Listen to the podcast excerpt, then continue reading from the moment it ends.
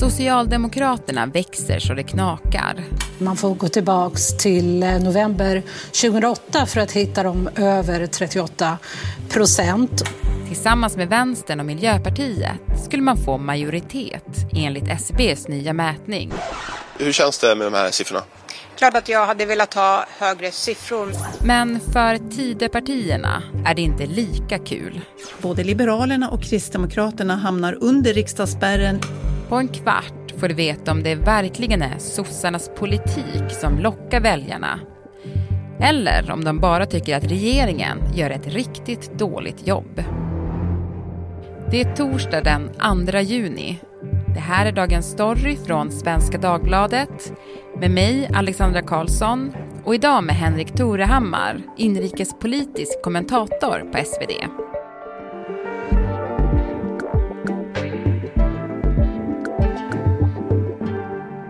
Henrik, du har haft fullt upp den här torsdagsmorgonen. Ja, den har kommit. Den stora julklappen till politiska journalister, nördar, nämligen SCBs stora partisympatiundersökning. Mm, den kommer två gånger per år. Är det här lite liksom mätningarnas mätning? Poll of the polls? Det är ju det på ett sätt för att eh, den har ett gott renommé. Det är väldigt många som rings. Eh, det är, eller som i alla fall kontaktas. Eh, det är lite olika det, det som man brukar säga om den här, det är också, eller som framförallt moderater säger, är att det här är ju en väldigt sossevänlig opinionsundersökning. Och då brukar de som försvarar sig säga så här, ja men vet du vad, den är sossevänlig för den anstränger sig att hitta de där sista väljarna som inte svarar på sådana här undersökningar. Och ofta kan det vara sossar. Och den här gången så blev det ju supersiffror för S. Ja men verkligen. Vi kanske ska ta det för jag antar att de är otroligt glada där på, på, hos sossarna. Alltså 38,6 procent fick de. Mm. Det är också upp 4 procentenheter sen senaste mätningen i november. Hur är stämningen i partiet, Henrik? Jag kommer precis från riksdagen och där lyckades jag i en av hissarna träffa den enda socialdemokratiska riksdagsledamoten som inte var glad, Jamal El-Haj. Mm. Alltså han som partiledningen sa, åk inte på den här konferensen för Palestina för du kommer bli liksom anklagad för att det finns Hamas-kopplingar där. Han åkte ändå. Han var lite deppig. Sen sprang jag på glada sossar överallt. Finansutskottets socialdemokrater hade ett litet förmöte, ordentliga människor. Men jag bara så här, hur känns det nu? Och de var ändå liksom, jo, nej, men vi kanske har slagit vad lite om siffror och det var lite mysigt. Varför går det så himla bra för Socialdemokraterna nu? Eh, jag skulle fråga dig mer, men, men då kom Mikael Damberg eh, som är liksom topp eh, socialdemokraten i finansutskottet och bara så här, nu Torhammar går du, vi måste ha ett förmöte.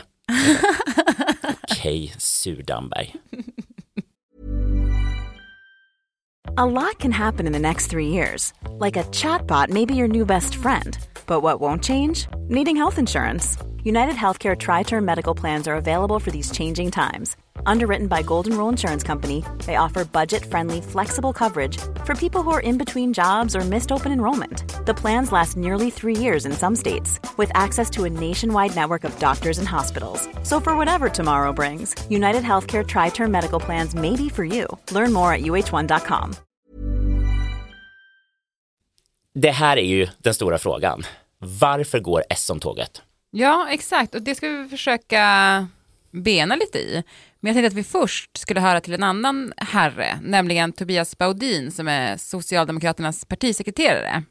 Regeringen och inte minst Sverigedemokraterna, de lovade ju väldigt mycket innan valet. Men nu när Sverigedemokraterna är de som styr den här regeringen, då ser man vad man prioriterar. Man håller på att tjafsa om en plastpåseskatt, man tjafsar om vem som ska läsa barn, böcker för barn på biblioteken. Och det är helt andra prioriteringar än vi socialdemokrater gör. Vi prioriterar vanligt folk och det kommer vi fortsätta göra.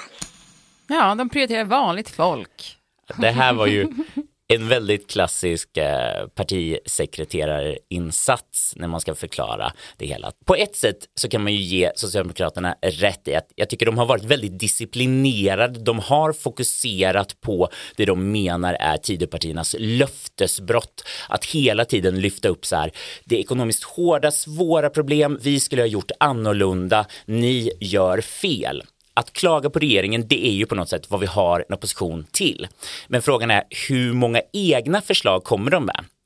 när man frågar socialdemokrater blir de jättekränkta och säger så här, nej men vi kommer med massa olika förslag. Vi har, vi har folkhemsel och eh, vi pratar om gratis eh, lunch på sommarlovet till barn för barnen är hungriga i det ekonomiska läget.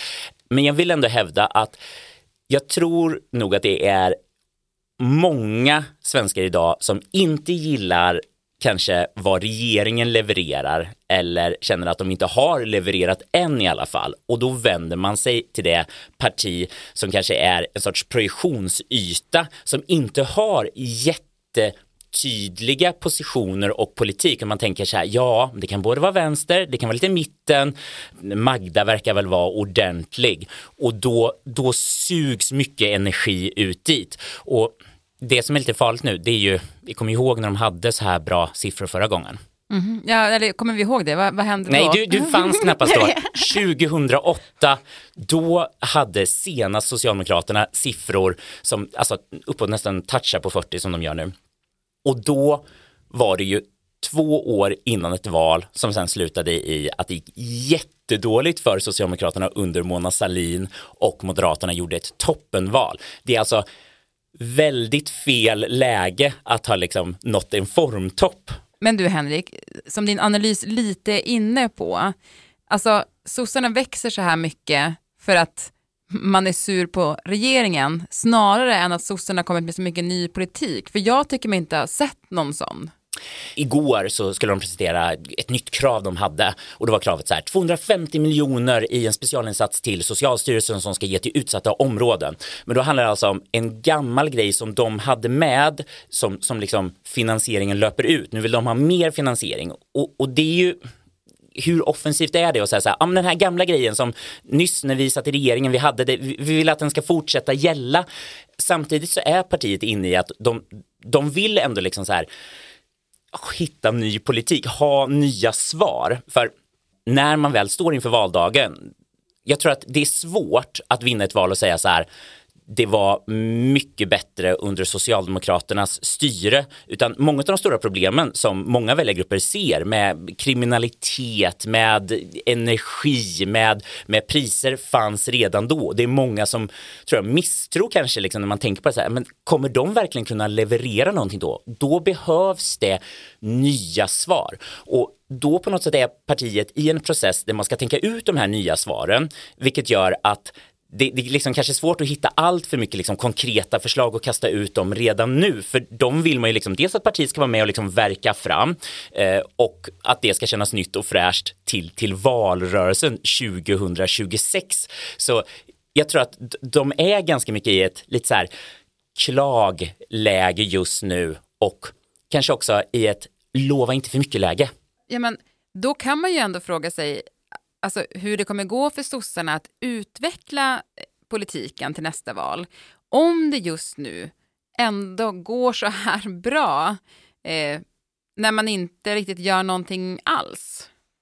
Nej, men det här är ju en sorts tvärtom situation från eh, Moderaterna efter valet 2002. De hade katastrofsiffror. Då kunde Reinfeldts gäng komma in och säga så här, vi måste verkligen göra om allting från grunden nu går det istället superbra och även om partiet säger så här, ja fast vi fattar liksom det, det finns luft i de här siffrorna, vi måste ha riktiga svar, vi måste prata och liksom någonstans fattar vi också att de här åtta åren vi regerade Sverige, det, det, kan finnas väljare som tyckte att vi inte gjorde ett superbra jobb på alla nivåer och vi måste kanske tänka om på vissa grundläggande frågor.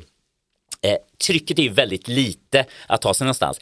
Det är kanske framförallt de på vänstersidan som vill ha liksom mer, men vi måste beskatta de rika.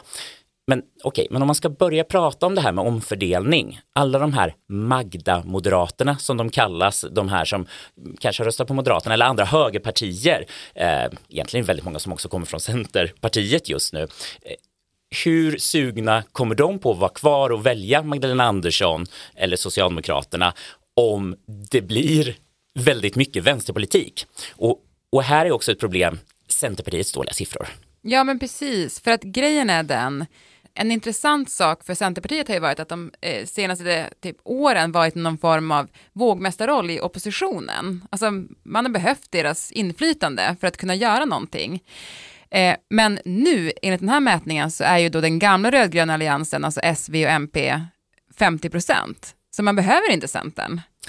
Nej, rent matematiskt så har vi liksom nu enligt opinionen för första gången sedan 2014 en vänstermajoritet.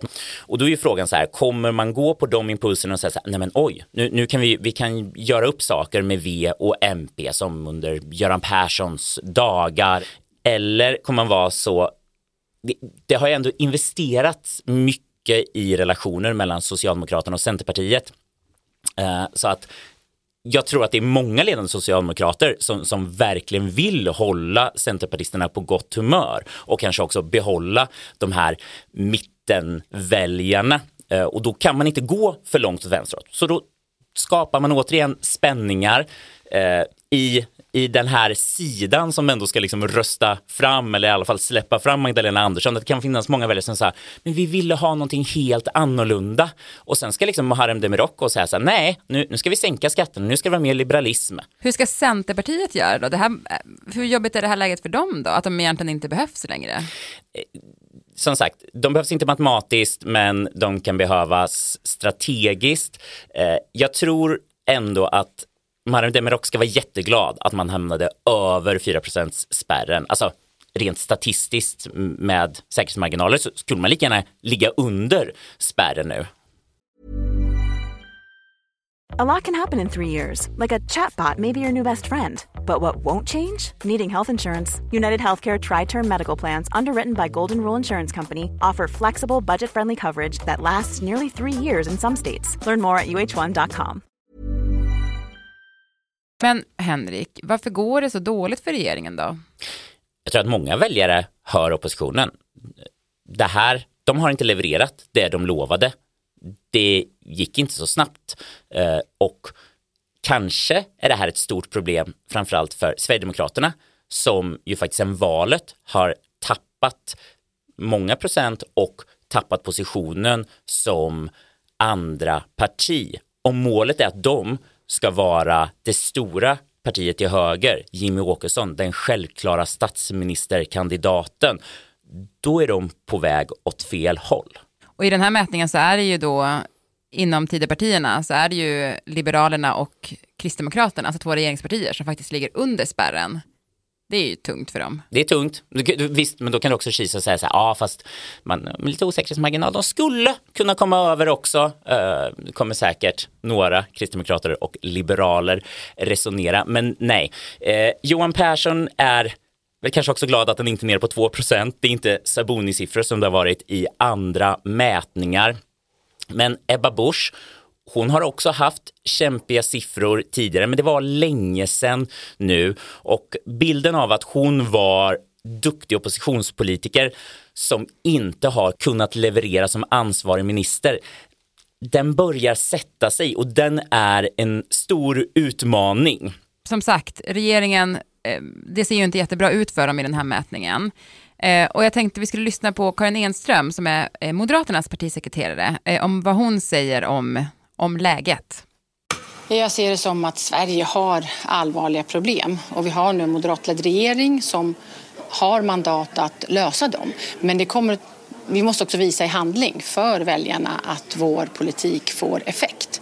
Eh, och jag känner mig trygg med att när man ser resultaten så kommer stödet att öka. Ja, Henrik, är det så här enkelt? Jag skulle säga att eh, här kanske Moderaterna har en partisekreterare som inte är lika effektiv i sin kommunikation som den stora moderata kommunikatören Martin Borgs. Han har varit ute på sociala medier och verkligen pushat det här att det här är precis siffrorna vi såg 2007-2008. Absolut, det går bra för sossarna, men om du frågar väljarna, vad är de stora problemen i Sverige? Det är otryggheten, liksom, man kan bli skjuten, man kan inte värma sitt hus. Vårt uppdrag alltså Tidöpartierna pratar han brett här, det är att få ordning på Sverige och det tar tid. Men när vi börjar leverera liksom svaren här och, och det är vi som har svaren, det är inte sossarna, det är inte den andra sidan som har svar som väljarna vill ha, då kommer det vända. Och det är ju det som är regeringens och Tidöpartiernas förhoppning att liksom när vi väl börjar leverera så kommer vi belönas.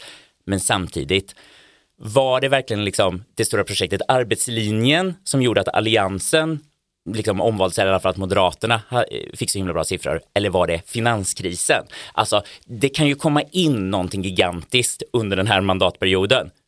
Förra gången så var det krig, det var mm. pandemier, det kan mm. hända mycket saker. Det kan så vara någonting helt annat som kommer att avgöra och liksom bli det helt centrala som alla partier kommer bedömas ifrån eh, när vi väl kommer till 2026. Så allt är väldigt, väldigt öppet och oklart. Det tycker jag är lite härligt och skrämmande. Mm. Men det känns skönt att vi kan, vi har din hand att hålla. Nu tar jag den. Nu drar jag loss den, för nu måste jag gå iväg och okay. skriva. Ja, tack för att du tog dig tid, Henrik. Jag kan inte hålla handen hela tiden. Nej, jag, förstår det. Ja, men jag vet. Spring iväg och skriv då. Programmet idag producerades av Mattias Stellert. Redaktör var Teresa Stenler von Matern och jag heter Alexandra Karlsson. Vill du kontakta oss så mejla till dagensstory.svd.se. Och klippen i programmet kom från Expressen, Sveriges Radio och SVT.